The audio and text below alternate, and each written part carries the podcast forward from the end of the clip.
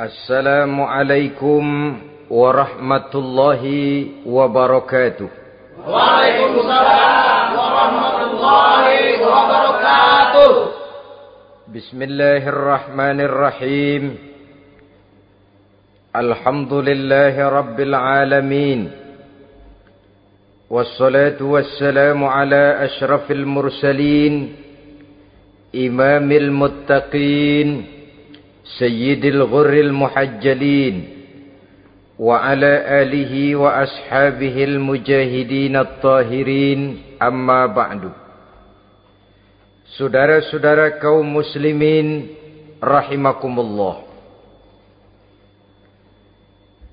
Satu hari ketika seorang ulama besar bernama Al-Imam Al-Faqih Abu Lais tengah berjalan-jalan di dekat kota Basrah berkelumpulah sekelompok orang di dekat beliau. Mereka datang mengajukan satu pertanyaan. Imam kami ingin bertanya di dalam Al-Quran itu Allah subhanahu wa ta'ala menjelaskan Udu'uni astajib lakum. Berdoalah kepadaku.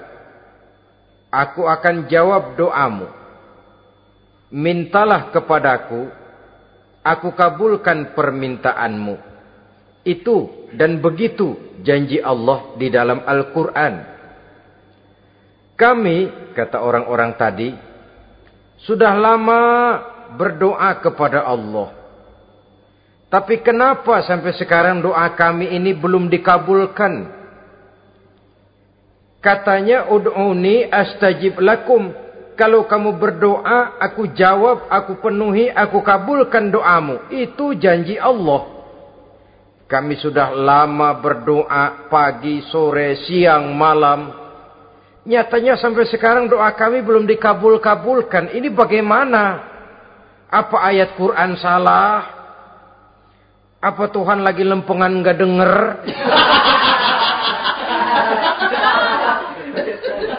Apa doa kami yang terbalik? Kelihatannya sepele saja ini. Doa tidak didengar oleh Allah. Permohonan tidak dijawab, tidak dikabulkan oleh Allah. Tapi sebenarnya kalau kita mau merenung, Kemalangan apa yang paling besar dalam kehidupan ini? Selain daripada kalau permohonan dan doa kita sudah tidak dihiraukan oleh Allah. Artinya hidup sudah tidak diopeni oleh Allah. Jangankan Allah, saudara-saudara. Kita nggak diopeni sama mertua saja bingung. Ini mertua diem aja kalau saya salah apa salahnya. Kalau ada yang dikepengenin apa kepengenannya. Boyak ngomong kenapa diem begitu. Ini tidak diopeni oleh Allah.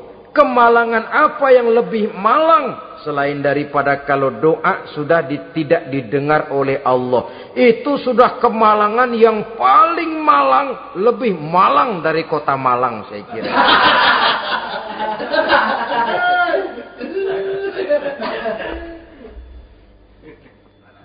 Menghadapi pertanyaan ini Imam Al-Faqih Abu Lais senyum. Lalu beliau berkata, Tuan-tuan, tahu kenapa doa tuan-tuan tidak dijawab? Permohonan tidak dikabulkan? Allah sudah tidak memperdulikan tuan-tuan ini? Kami tidak tahu imam, maka kami bertanya. Hmm, begini, hati tuan-tuan itu mati. Dari hati yang mati, channel tidak nyambung kepada Allah. Dari channel yang putus tidak ada getaran strom. Bagaimana akan timbul gejala? Hatimu mati. Jadi pantas kalau doa tidak dikabulkan. Permohonan tidak dipenuhi. Doa tidak terjawab. Hatimu mati. Saudara-saudara kaum muslimin. dari hati yang mati ini getaran tidak akan sampai ke hadratullah azza wa jalla. Nah, ini juga satu penyakit yang kita sangat khawatirkan yaitu apabila hati kita sudah mati selagi jasad masih hidup. Artinya jadilah kita bangkai berjalan di hadapan Allah Subhanahu wa taala. Sementara kita sangat disibukkan dengan menggali berbagai macam jenis obat penangkal penyakit zahir. Dan kita kurang perhatian untuk mencari obat penangkal penyakit batin yang kalau diserang penyakitnya menghancurkan kehidupan abadi di akhirat nanti. Perkembangan ilmu kedokteran nyata benar diikuti dengan perkembangan jenis-jenis penyakit. Makin maju ilmu kedokteran, makin modern penyakit. Ngerti juga rupanya itu penyakit. Dulu kita tidak kenal yang namanya AIDS. Kita tidak tahu yang namanya liver. Kita tidak kenal yang namanya stres paling yang banyak cika masuk angin dan sebagainya tapi baiklah penyakit-penyakit batin yang menyebabkan hati menjadi mati dan dari hati yang mati doa tidak naik tidak didengarkan oleh Allah Subhanahu wa taala Nah, kata orang-orang tadi yang menyebabkan hati kami mati ini apa, Imam? beliau menjawab pertama araftumullaha wa lam tu'tuhu haqqahu yang menyebabkan hatimu jadi mati. Pertama kamu kenal benar kepada Allah. Tapi haknya untuk disembah. Kewajibanmu untuk menyembah tidak pernah kamu laksanakan. Bagaimana Allah tidak akan jauh dari kita kalau kita tidak akan mendekat, mengadakan pendekatan kepadanya. Dan pendekatan kepada Allah hanya bisa kita tempuh melalui jalur kegiatan ritual ibadah. Allah akan terlalu jauh apabila kita hanya membicarakannya lewat filsafat dan renungan yang mendalam. Tapi Allah akan dekat dan terasa hadir dalam hidup apabila kita dekati ia dengan pelaksanaan ibadah kepadanya. Kamu kenal Allah, tapi hakmu untuk menyembah, kewajibanmu, kewajibanmu untuk menyembah, haknya untuk disembah, tidak pernah kamu laksanakan. Kalau soal Allah, kita kenal bukan main. Bahkan tidak hanya kita, kita mengajarkan kenal juga kepada anak-anak kita. Kalau ditanya siapa pencipta matahari, bulan dan bintang, Allah. Siapa pencipta lautan, gunung, hutan belantara dan sungai-sungai? Allah. Siapa pencipta bumi, matahari dan sebagainya? Allah. Sembahyang apa enggak? Bagaimana nanti?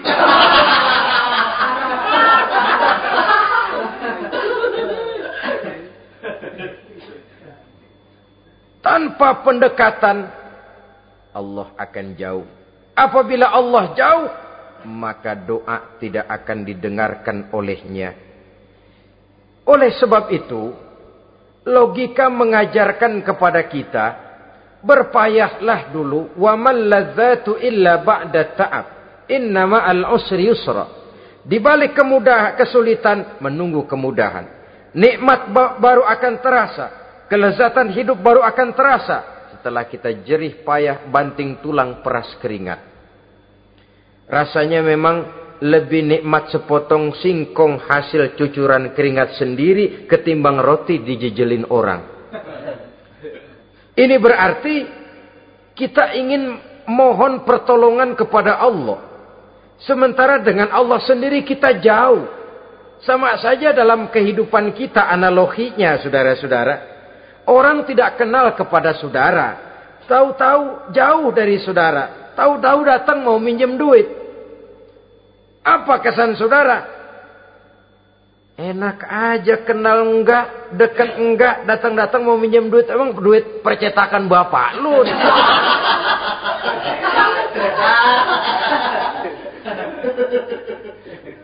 Sedangkan yang kita kenal, sedangkan yang kita bertemu tiap hari, Sedangkan yang sering datang ke tempat kita. Kalau satu saat dia pinjam duit. Toh kita kadang-kadang masih mikir. Apalagi datang nggak pernah. Berkunjung nggak pernah. Ngobrol nggak pernah. Apalagi kenal juga nggak pernah. Datang-datang mau minta. Macam apa? Datang nemuin Tuhan setahun dua kali. Idul Fitri doang mau Idul Adha. Doa cerewet banget apa aja. Apa aja diminta. Saudara hadirin, bagaimana doa akan kabul, permohonan akan dijawab. Jikalau kita jauh dari Allah, kita kenal Allah, haknya untuk disembah, kewajibannya untuk menyembah, tidak pernah kita laksanakan. Itu yang menyebabkan hati kita lalu menjadi mati. Padahal mengenal Allah, setelah mengenalnya, mengadakan pendekatan kepadanya melalui ritual ibadah yang dicontohkan oleh Rasulullah sallallahu alaihi wasallam. Ini hal pertama yang menyebabkan hati jadi mati. Kamu terlalu kenal Allah tapi tidak pernah menyembah kepadanya. Sama aja orang kerja kagak, habis bulan mau minta gaji. Enak kita jitak palanya. Macam apa? Kerja enggak tahu-tahu datang mau minta gaji. Kerja dulu yang baik, habis bulan baru enggak diminta pun memang sudah ada jatahnya. Ibadah dulu kita kepada Allah. Soal Allah memberikan karunia kepada kita, itu hak Allah. Apabila kita dekat dengannya, ibadah yang kita laksanakan benar, karunia itu akan datang kepada kita.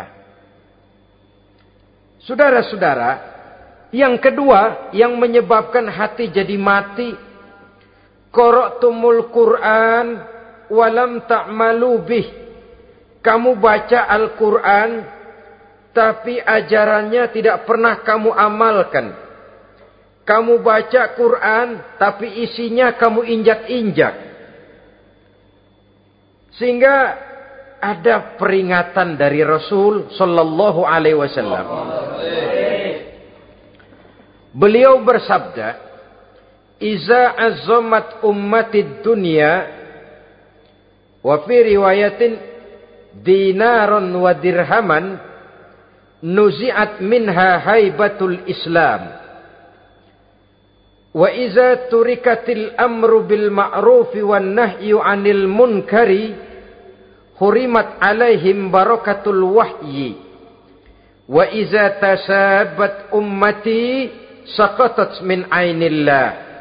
Tiga peringatan keras tapi yang merupakan gejala penyakit kita umat Islam diperingatkan oleh nabi kita.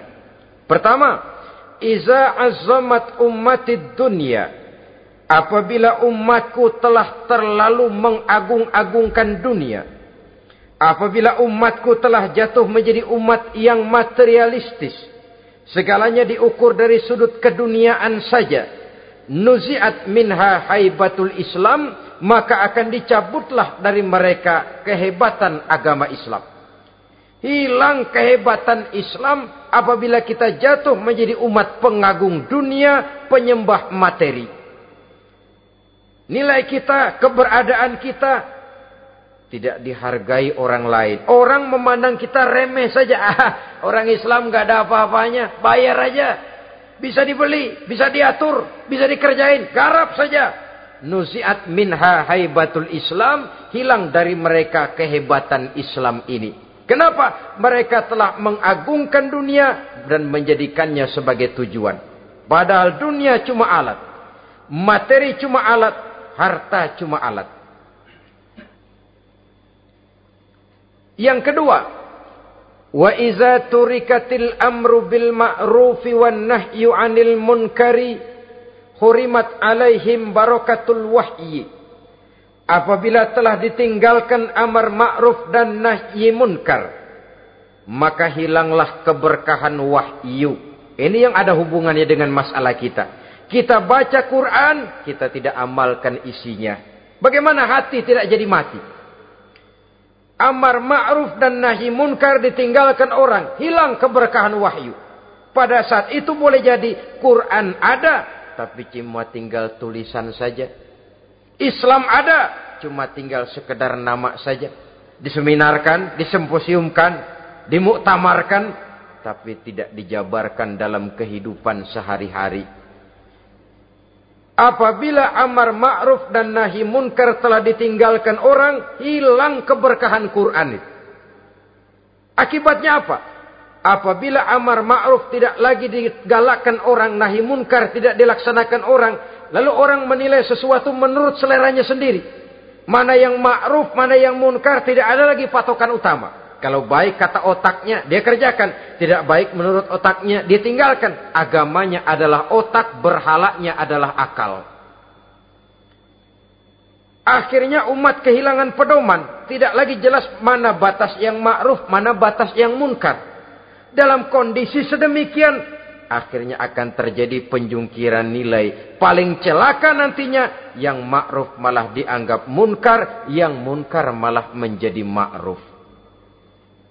Peringatan ketiga dari Nabi, wa iza tasabat ummati saqatat min ainillah. Apabila umatku sudah saling berbantahan, apabila umatku sudah saling caci memaki, saqatat min ainillah, jatuhlah mereka dalam pandangan Allah Subhanahu wa taala. Hilang wibawa umat yang sudah saling mencaci maki, saling menjatuhkan, saling gasak, gesek, gosok. Justru agama menganjurkan kita ini saling asah, asih, asuh. Kadang yang kita praktekkan kita ini saling gasak. Yang kedua, saling gesek. Yang ketiga, saling gosok. Gasak, gesek, gosok. Kacau kita ini. Saling gasak, menjegal kawan seiring, menggunting dalam lipatan. Saling gosok, fitnah sana, fitnah sini. Saling gesek, sikut kiri, sikut kanan. Tidak perlu orang lain luka dan sebagainya. Yang penting dia bisa nangkring. Jatuh kita dalam pandangan Allah. Apabila umat sudah saling mencaci maki. Maka kita kembali kepada persoalan. Hal kedua yang menyebabkan hati jadi mati. Koroktumul Quran walam ta'malu bih. Kita baca Al-Quran. Tapi ajarannya nyaris tidak kita amalkan di dalam kehidupan kita. Akibatnya hati lalu jadi mati. Itu yang kedua. Yang ketiga yang menyebabkan hati jadi mati dan doa tidak terjawab. Idda'aitum annakum min ummati Muhammadin sallallahu alaihi wasallam. Wa lam ta'malu bi sunnatihi. Kamu mengaku kamu memproklamirkan diri sebagai umatnya Nabi Muhammad. Tapi sunnahnya tidak pernah kamu amalkan. Malahan perkembangan paling akhir bukan saja tidak mau mengamalkan sunnah malah mengingkari sunnah Inna lillahi wa inna ilaihi raji'un. Oh, Nabi Muhammad itu manusia biasa seperti kita. Sebagai manusia dia bisa salah. Dan ternyata hadis banyak yang palsu. Yang otentik cuma Quran. Selebihnya adalah sejarah. Tidak ada itu sunnah. Langsung saja kepada Quran. Oh, hadis itu bukan sumber hukum. Oh, tidak perlu mengamalkan sunnah. Saudara-saudara kaum muslimin, mengaku kita umat Nabi, tapi sunnahnya kita campakkan.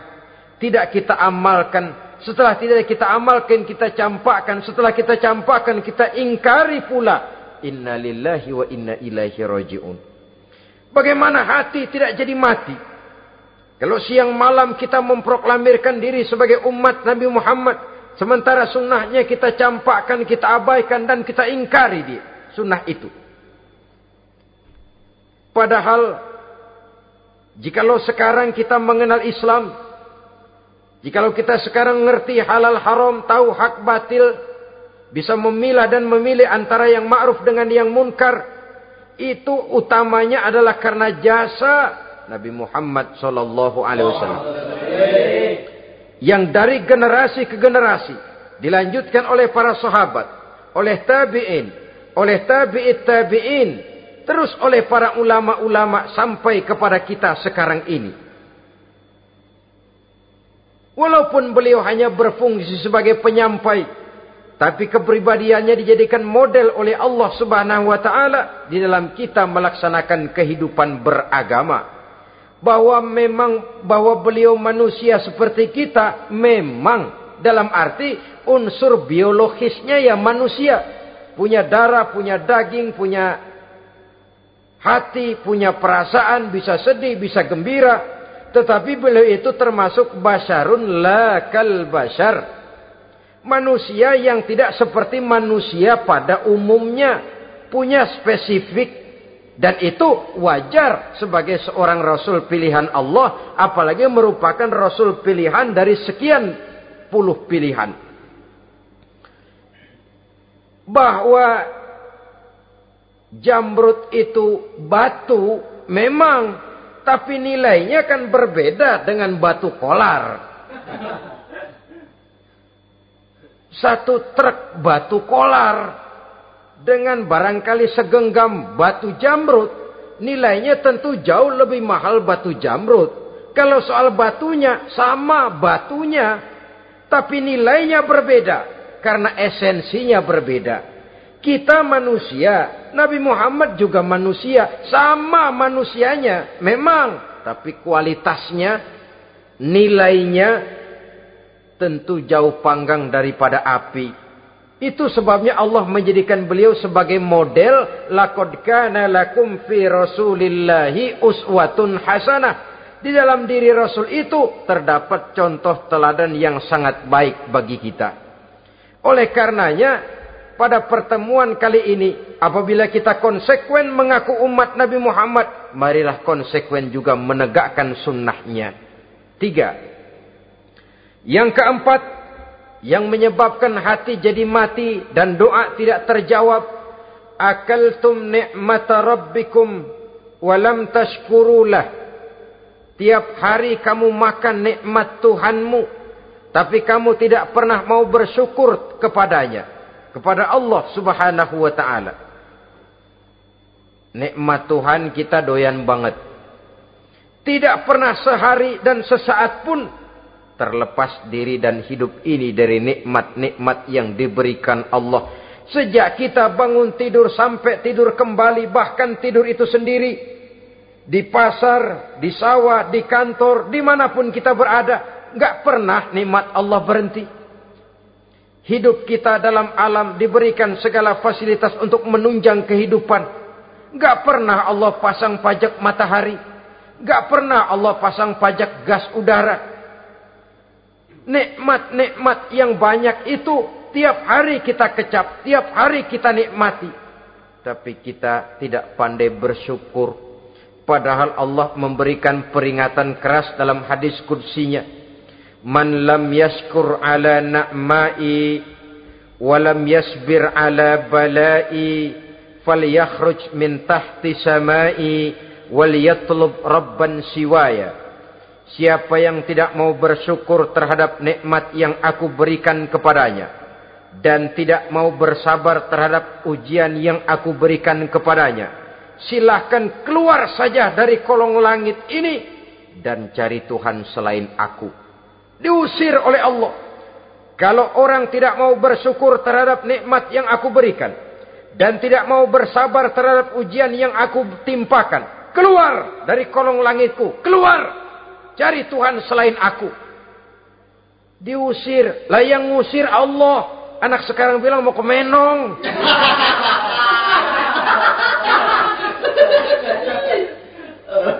Kalau diusir kita dari Jakarta, masih bisa pindah ke Bandung. Diusir kita dari Bandung, bisa pindah ke Jogja, Solo. Diusir kita dari Indonesia, bisa pindah ke Singapura, Malaysia. Diusir dari kolong langit, mau cari langit mana lagi? Kalau kau tidak mau mensyukuri nikmatku, tidak sabar terhadap ujian yang aku berikan kepadamu, keluar saja, keluar dari kolong langitku ini. Cari Tuhan selain aku. Kalau istilah kita mah Tuhan, jengkel banget udah itu. Nikmatku yang nikmat yang aku berikan kau makan. Tapi kepadaku engkau tidak pernah mau bersyukur. Saudara-saudara kaum muslimin rahimakumullah. Wajar. Kita dulunya tidak ada. Sekarang ada. Nikmat. Susunan biologis manusiawi kita demikian cantik. Nikmat. Tinggal di bumi. Fasilitas yang kita perlukan disediakan. Tinggal kita kemampuan kita mengelolanya. Nikmat. Diberikan kita otak yang membedakan kita dengan binatang. Nikmat. Diberikan kita agama. Diutus para rasul untuk jadi model dalam kehidupan kita. Nikmat. Kalau cara kita emang kurang apa sih? Apa yang kurang hai manusia? Engkau tidak ada. Aku adakan. Kalau aku perintahkan kau tinggal di bulan, mungkin kau tidak akan sanggup hidup. Begitu lahir juga kelepek-kelepek habis. ya nggak ada HO2 toh di bulan. Mau ngisap apa? Aku tinggalkan kau, aku perintahkan tinggal di permukaan bumi. Alamnya indah, fasilitas serba menunjang. Nikmati semuanya, semuanya untuk kamu, semuanya. Satu pintaku. Syukuri nikmat yang aku berikan kepadamu. Ya bukan cuma syukur dalam ucapan, syukur dalam perbuatan. Banyak nikmat yang diterima, makin banyak dia sujud, makin banyak dia ruku, makin banyak dia mengadakan pendekatan kepada Allah. Syukur dalam artian berupa tindakan dan perbuatan mempergunakan nikmat sesuai dengan kehendak yang memberikan nikmat itu sendiri kepada kita. Saudara-saudara kaum muslimin rahimakumullah. Ini penyakit yang keempat. Kamu makan nikmat Tuhanmu. Tapi kamu tidak pernah pandai bersyukur kepadanya. Mensyukuri nikmat yang diberikan tadi. Bagaimana hati tidak jadi mati. Kita si sibuk mempersolek jasmani. Mencari obat penangkal penyakit zohir. Maka yang rame di zaman sekarang saudara lihat salon, fitness, ah, senam, macam-macam jenis. Tidak ada salahnya dan tidak ada jeleknya. Tapi kalau itu sampai melupakan kita kepada memperindah batin. Memperbaiki jiwa. Artinya bukankah kita perlahan tapi mempersiapkan diri menjadi bangkai berjalan di hadapan Allah dengan operasi plastik yang pesek jadi mancung. Yang sipit jadi belok. Kulit keriput jadi kencang. Pipi terlalu cekung bisa dibikin bisa diatur. Saudara-saudara, tapi kalau hati yang rusak, jiwa yang rusak, Ke mana lagi kita akan berobat kalau bukan kepada agama? Maka hati itu jadi mati apabila kita selalu memakan nikmat Allah dan tidak pandai mensyukuri nikmat itu. Dari hati yang mati tidak akan ada getarannya. Oleh sebab itu doa tidak terjawab. Selanjutnya yang menyebabkan doa tak terjawab dari sebab matinya hati qultum annal mauta haqqun wa lam tasta'iddu lahu. Kamu berkata kamu yakin bahwa mati adalah sesuatu yang benar tapi kamu tidak pernah punya persiapan untuk mati. Padahal menurut logika orang yang akan bepergian jauh tentu dia harus mempunyai bekal yang cukup. Semakin jauh jarak perjalanan yang akan ditempuhnya, semakin banyak perbekalan yang harus dibawanya. Dahulu, seketika beberapa jamaah dari Yaman akan melaksanakan ibadah haji dengan nekat, mereka berprinsip, ah pokoknya kan berangkat haji jadi tamunya Allah nanti Allah yang akan ngelayanin. Mereka nekat modal badan doang berangkat. Diadukan kepada baginda Rasul lalu turun peringatan dari Allah wa tazawwadu fa inna khairaz zadi taqwa. Jangan begitu, bawa bekal. Sesungguhnya bekal yang paling baik adalah takwa. Bawa berangkat dengan bekal takwa itu bekal yang paling utama. Tapi bekal-bekal yang lain pun jangan diabaikan. Kalau kita akan berangkat untuk tujuan yang baik, bekal yang paling utama memang takwa. Tapi tidak berarti harus mengabaikan bekal-bekal yang lain.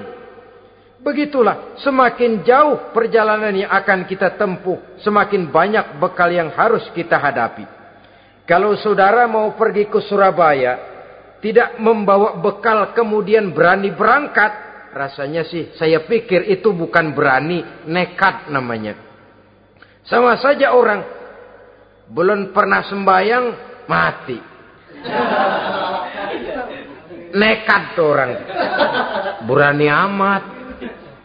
Belum berbuat kebaikan barang sedikit pun sudah mati. Nekat namanya itu. Sama saja tadi. nggak bawa bekal apa-apa berangkat ke Surabaya. Sampai Surabaya belum tentu. Sengsara udah jelas. Belum punya bekal yang baik sudah mati. Sampai ke surga belum tentu.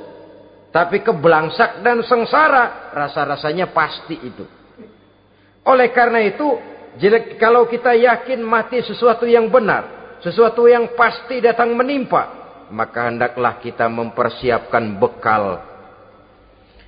Kemudian idda'aitumun najata minan nar wa ramaitum fiha anfusakum. Kamu memproklamirkan diri ingin selamat dari neraka, tapi kamu lemparkan dirimu ke dalam neraka bagaimanapun bajingannya bajingan, kalau ditanya, ente mau masuk neraka enggak? Jawabannya pasti enggak.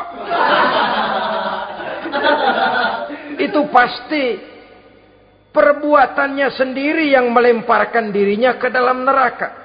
Membiarkan dirinya berlarut dan larut. Bertimbun-timbun dalam dosa dan kesalahan. Dan tidak akan ada niatan untuk memperbaiki diri hanyut di meja judi, habis ditelan minuman keras, fitnah sana, fitnah sini, hasud sana, hasud sini.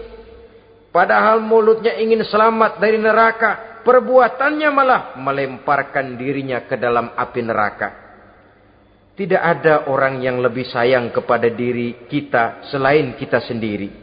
Dan menyayangi diri itu tidak cuma dengan memandikannya sehari tiga kali. Memakaikannya parfum dengan segala macam merek memakai sabun yang wangi-wangi, minyak yang harum-harum. Lebih daripada itu, jaga dan sayangi diri. Jangan jatuhkan dia ke dalam perbuatan-perbuatan yang bisa menjerumuskan diri itu ke dalam neraka. Kemudian disambung oleh Imam Al-Faqih Abu Lais yang menyebabkan doa tidak terjawab karena hati mati. Idda'aitum dukhulal jannah walam ta'malu laha.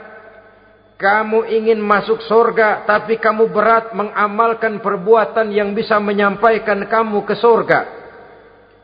Semua kita kalau ditanya, mau masuk surga? Mau. Tapi jarang yang berlomba melakukan perbuatan-perbuatan yang bisa menyampaikan kita ke surga. Kemudian yang terakhir kata Imam Al-Faqih Abu Lais, dafantum mautakum walam ta'tabiru laha. Kamu menguburkan orang yang mati di antara kamu, tapi kamu tidak bisa mengambil iktibar, tidak bisa mengambil pelajaran dari mayit yang jenazah yang kau kuburkan itu. Mestinya kan nguburin orang tuh membuat sadar. Iya. Kalau sekarang dia saya baringkan di liang lahat menghadap ke arah kiblat, bantalnya tanah, setelah itu ditutup dengan papan, lalu ditimbun dengan tanah. Iya, sekarang giliran dia, giliran saya, entah besok, lusa, bulan depan, tahun depan, tapi pasti mengubur mayat, mengubur jenazah, tapi tidak bisa mengambil iktibar dari yang dilaksanakannya itu. Ini merupakan penyakit-penyakit batin yang merupakan handicap yang menimbulkan jarak antara kita dengan Allah Subhanahu wa taala. Pantas kalau itu semua ada pada diri kita, hati jadi mati. Dari hati yang mati, doa tidak akan tembus. Kita tidak lagi akan diperdulikan oleh Allah Subhanahu wa taala. Dan itu sekali lagi kemalangan yang terbesar dalam kehidupan kita. Bagaimana jalan keluarnya? Pertama, memperbaiki batin kita menyelamatkan diri daripada penyakit-penyakit yang bisa mematikan hati seperti yang sudah saya sebutkan tadi. Yang kedua, berdoa dengan adab. Sehingga tata cara di dalam kita bermohon kepada Allah Subhanahu wa taala dibicarakan secara khusus oleh Al-Imamul Ghazali dalam kitab Ihya beliau yang disebut Adabud Doa adab di dalam kita melaksanakan doa kepada Allah Subhanahu wa taala. Setelah batin ini bersih dari penyakit-penyakit hati yang bisa menyebabkan hati jadi mati, berdoalah kita kepada Allah. Bagaimana adabnya? Kata Imamul Ghazali rahimahullah, yang pertama hendaklah ia di dalam berdoa itu memilih waktu yang mulia. Minal awqatis syarifah kata beliau memilih waktu-waktu yang punya nilai mulia. Ramadan dalam satu tahun. Jumat dalam tiap minggu. Sepertiga malam yang akhir pada setiap hari. Waktu-waktu yang punya nilai mulia. Walaupun Misalnya saudara berdoa pada hari Kamis, tidak ada halangannya Allah mau kabulkan. Ini tidak berarti bahwa kalau sudah berdoa hari Jumat lalu hari Kamis tidak mau berdoa, tidak. Lebih memilih mengintai waktu-waktu yang punya nilai mulia. Lailatul Qadar dalam sekali dalam setahun. Waktu-waktu yang punya nilai mulia. Logikanya begini saudara-saudara. Kalau kita datang ke rumah seseorang, tujuan utama kita minjem duit, yang paling pertama kita perhitungkan tanggal berapa nih? Kan itu tuh. Tanggal berapa? Kalau tanggal 20 atu minjem duit. Orang lagi ngap-ngapan. Boro-boro dia bisa minjemin dia sendiri mungkin lagi pusing. Kita lebih dulu kita amatin Tanggal berapa nih? Yang enak sore apa siang? Jam 2. Eh, jam 2 dia baru pulang dari kantor tapi giliran tidur. Kalau dia tidur dibangunin datang mau minjem duit kagak dimaki-maki sudah kebagusan deh. Kan kita lihat waktunya, timingnya kata orang sekarang. Tanggal berapa, sore, apa malam, apalagi gulam, apa terang bulan. Itu semua sudah kita atur sedemikian rupa. Memilih waktu. Yang kedua kata Imamul Ghazali. Keadaan, memilih keadaan yang istimewa. Kalau tadi soal waktu, yang kedua soal keadaan. Ada situasi-situasi di mana doa itu diijabah oleh Allah Subhanahu wa taala. Di antaranya kata Imam Abi Hurairah, "Inda zahfi fi sabilillah." pada waktu mengatur barisan perang membela agama di situ doa kabul. Inda nuzulil ghais ketika turun gerimis di situ doa makbul. Inda iqami solah ketika solat mau didirikan. Riwayat lain bainal azan wal iqamah antara azan dan komat di situ doa makbul. Itu memilih keadaan-keadaan Kemudian yang ketiga, kata beliau, berdoa menghadap kiblat. Ya, apa kalau doa madep mudik Tuhan gak tahu? Tahu. Tuhan gak dengar? Dengar. Cuma lebih etis. Lebih etis kalau kita berdoa menghadap ke arah kiblat. Saudara-saudara kaum muslimin rahimakumullah. Yang keempat, hifdus saut. Menyederhanakan suara. Tidak terlalu keras. Juga tidak terlalu tidak terdengar orang lain. Apalagi kalau doa kita diaminkan oleh orang lain. Tidak usah terlalu keras. Kenapa? Karena Allah yang kita meminta kepadanya. Bukan zat yang tuli. bukan zat yang buta, bukan zat yang tidak dengar, bahkan dia maha dengar. Juga tidak terlalu seperti orang berbisik-bisik, apalagi kalau doanya doa bersama-sama. Tapi kadang-kadang terdorong oleh husnuzon dari para makmum saja. Tidak peduli apa yang dibaca oleh imam yang kedengaran cuma amin aja gerengan.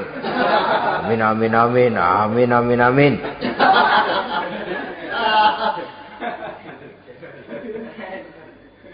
Juga tidak terlalu keras. Seperti orang berdoa, seperti orang pidato. Saudara-saudara kaum muslimin rahimakumullah. Yang kelima, alla yatakallafa saja fid doa dalam berdoa kalau istilah kita jangan nyelongcong.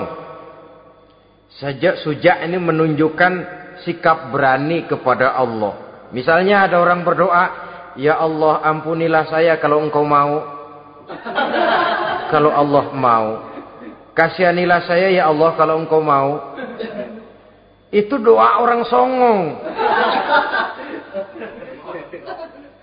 Atau sama saja ya Allah berilah saya rezeki dikit aja. Emang kenapa pakai begitu?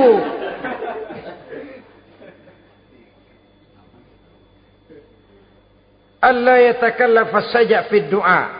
Yang keenam kata Imamul Ghazali at-tadarru wal khusyu dengan tadarru dan khusyu dengan sikap tawadu benar-benar ya seperti kita lah kalau datang memang menghajatkan pertolongan dari seseorang, segala action kita atur supaya hajat kita itu kabul, kan begitu. Kadang-kadang istilah orang kalau perlu ngesor mah ngesor dah, yang penting yang penting permintaan dikabulkan, gitu saja. Kita lihat sekarang ini. Ramai orang bicara soal film-film Parno. Kelihatannya pendatang-pendatang baru pokoknya asal bisa main dah bugil ya bugil dah. As yang penting nyohor, bisa tampil. Walaupun dalinya semua sama, mula-mula cuma iseng. Adegan panas bagaimana? Kalau tuntutan skenario apa boleh buat? Apa boleh buat? Emang nggak bisa milih. Setelah film beredar baru saya juga jijik ngeliat lah tadi ke mana waktu bikin. Udah jadi baru jijik bikinnya merem memang itu.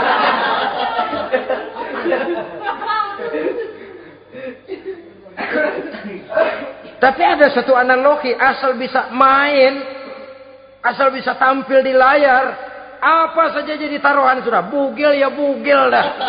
Enggak soal dah. Pokoknya bisa main, tampil, nyohor. Masuk koran.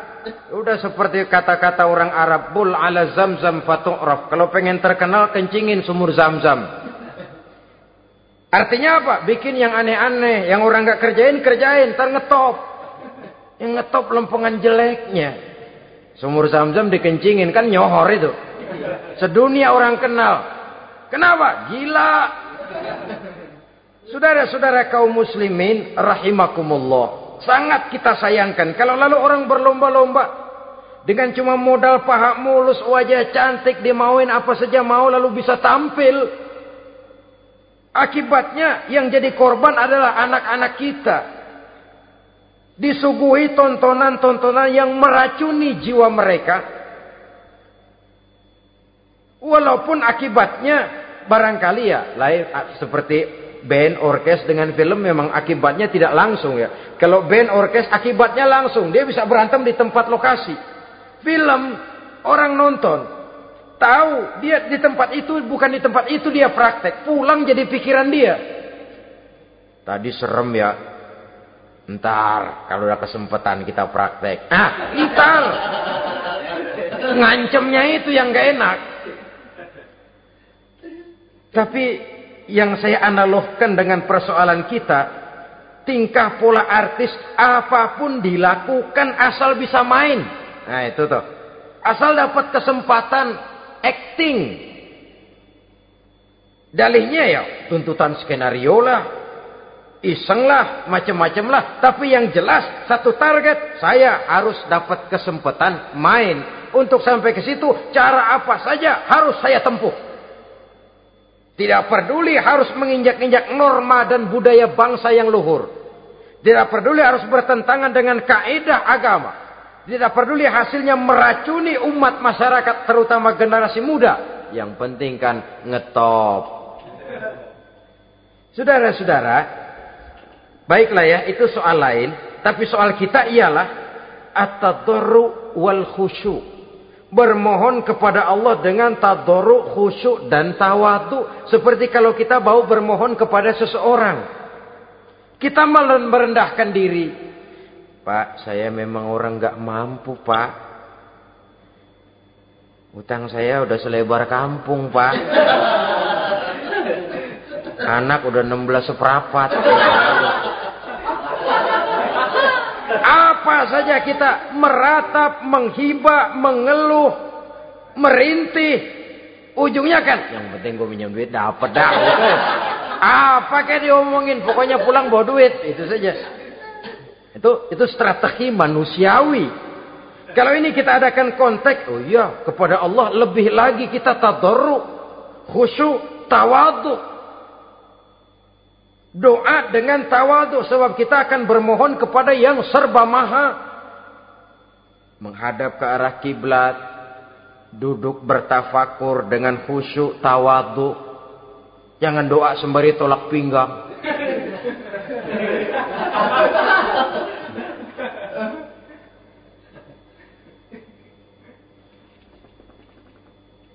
Yang ketujuh kata Imamul Ghazali ayyujzimad du'a wa yuqina bil ijabah.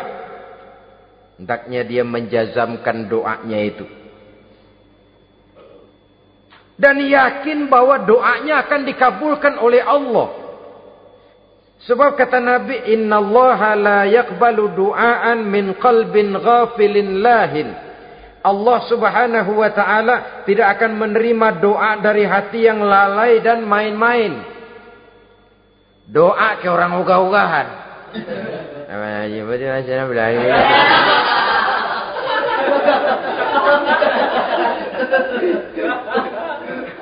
Kali malaikat nyongok dong lu minta apa lu?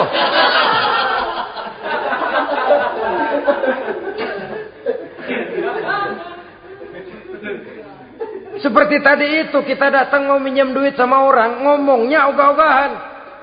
Pinjam duit dikasih syukur enggak ya udah. Ya enggak dah enggak dikasih sudah. Kenapa? Mintanya begitu. Enggak serius dan enggak yakin bahwa doanya akan dikabulkan. Kalau kita sudah punya keyakinan, ah, di jangan-jangan doa saya enggak diterima Allah. Enggak. Ana kata Allah, ana inda abdi bi. Aku sih bagaimana menurut sangka hambaku kepadaku saja.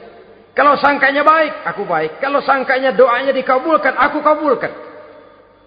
So itu doa harus dengan pasti dan dengan harus dengan yakin doa itu akan dikabulkan dan meluruskan harapan, membenarkan cita-cita, meluruskan maksud apabila doa itu dikabulkan oleh Allah Subhanahu wa taala.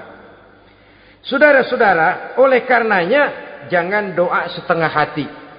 Jangan berdoa sambil main-main. Apalagi menghadap kiblat dengan dua tangan terangkat sebagaimana dicontohkan oleh Rasulullah sallallahu alaihi wasallam. Bahwa berdoa tanpa mengangkat kedua tangan pun Allah tahu. Allah dengar. Tapi kelihatannya kurang serius. Seolah-olah terserah ada Tuhan mau dikasih ya kasih enggak ya udah. Seolah-olah kita tidak serius dalam berdoa. Kemudian yang berikutnya kata Imamul Ghazali, ayyaftataha du'a bi zikrillah fala yabda'u bi su'al. Hendaknya dia mulai berdoa itu dengan menyebut nama Allah, berzikir kepada Allah, fala yabda'u bi su'al, jangan langsung memulai dengan permintaan. Ini tata kerama etisnya. Sama juga orang kirim surat. Salam sejahtera kami haturkan. Padahal mah nggak ada itu juga nggak apa-apa. Itu kan maksud-maksud mukodimah saja. Besar harapan kami semoga Bapak dan sekeluarga di sini pun berada dalam keadaan sehat walafiat. Selanjutnya kami telah dengar dari berbagai teman tentang kedermawanan Bapak, tentang bantuan Bapak di berbagai bidang yang menyangkut sosial pendidikan. Sehubungan dengan itu, maka kami bermaksud mengajukan permohonan. Baru masuk. Itu mah 15 kalimat kesonoin. Urusan lain. Intinya sehubungan dengan itu kami bermaksud memohon kepada Bapak. Kita mulai. Salam sejahtera kami haturkan bersama ini pula kami macam-macam lah. Sama juga seperti tadi itu. Kita datang mau minjem duit. Datang karena kita tahu datang habis bulan. Malam malam terang bulan. Udaranya sejuk. Ngobrol lah kita. Dapat teh apa kabar Pak? Baik. Aduh Bapak sih, untung dah Pak. Kayak pemurah lagi. Saya tahu Bapak banyak nyumbang di mana-mana. Di Angon aja tuh orang di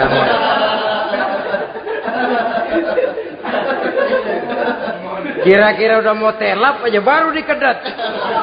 Ngomong-ngomong Pak. Nah, mulai nih kalau udah ngomong-ngomong, ngomong dah tuh mulai. Baru masuk. Jadi etisnya berdoa itu dimulai dengan zikrullah. Karena itu umumnya dimulai dengan Alhamdulillah Rabbil Alamin. Kita puji dulu Allah. Alhamdulillah Rabbil Alamin. Hamda yuwafi ni'amahu wa yukafi mazidah. Kita puji dulu Allah. Seperti orang tadi lah. Kita puji dulu kebaikannya. Walaupun pada akhirnya kita minjem duitnya. Ya, sebenarnya Allah nggak perlu dipuji toh. Dipuji atau tidak Allah tetap termulia. Ini etis manusia. Allah tidak berharap, berharap untuk dipuji oleh manusia. Allah tidak untung seluruh alam memujinya. Manusia memuji atau tidak itu urusan manusia sendiri. Allah tidak minta untuk dipuji. Allah juga tidak gila kepada pujian. Kalau kita memulai doa dengan pujian, etis kita kepada Allah Subhanahu wa taala di dalam kita bermohon kepadanya. Saudara-saudara kaum muslimin rahimakumullah. Kemudian menyesuaikan doa dengan kondisi. Ini termasuk syarat batin ya, taubat waradul mazalim kata Imam Ghazali menolak segala macam kezoliman Artinya kalau berdoa itu tahu diri. Kalau gaji kita sebulan 700 atau 800, 900 ribu. Berdoa minta rezeki sejuta. Itu tahu diri namanya. Kan cuma kurang 100 ribu. Ya, kalau kerja kagak minta gajian sejuta. Pengen doa dikabulkan. Rasanya secara etis nggak tahu diri orang berdoa seperti itu. Orang datang mau minta duit, mau pinjam duit kepada kita. Kan kita lihat. Kira-kira mampu ngembaliin nggak nih orang. Kita lihat, kita evaluasi kemungkinannya. Lalu si yang minjem tentu tahu diri. Kalau memang kekuatannya ngembaliin. Tidak seperti kekuatannya mulangin. Hendaknya dia timbang rasa. Begitu juga kepada kita etisnya kepada Allah subhanahu wa ta'ala. Tahu diri, menyesuaikan doa dengan keadaan. Kalau tidak ada gap terlalu jauh, jauh panggang daripada api nanti nasibnya bagai si pungguk merindukan bulan. Apabila adab-adab di dalam berdoa ini kita perhatikan, sejak dia dari adab yang zahir sampai kepada adab yang batin, kemudian penyakit-penyakit yang membuat hati itu jadi mati, maka insya Allah doa kita dijabah oleh Allah Subhanahu wa taala. Dalam Al-Baqarah ayat 186 Allah Subhanahu wa taala menjelaskan Wa iza sa'alaka ibadi anni fa inni qarib ujibu da'watad da'i iza da'ani falyastajibu li wal yu'minu bi la'allahum yarshudun Apabila hambaku bertanya kepadamu Muhammad tentang aku, kata Allah. Fa inni qarib. Katakan kepadanya, aku dekat sekali dengan mereka. Ujibu da'watad da'i iza da'ani. Aku akan jawab aku kabulkan permohonan orang-orang yang berdoa kepadaku. Falyastajibuli wal yu'minu. Maka hendaknya mereka juga menjawab panggilanku atas dasar iman kepadaku. La'allahum yarsyudun. Semoga dengan ini mereka kelak mendapat petunjuk. Saudara-saudara. Al-Baqarah 186 ini dengan nyata menjelaskan kepada kita. Allah akan menjawab doa. Mengabulkan permohonan. Apabila kita fal yastajibuli wal yu'minu bi. Juga menjawab panggilan Allah atas dasar beriman kepadanya.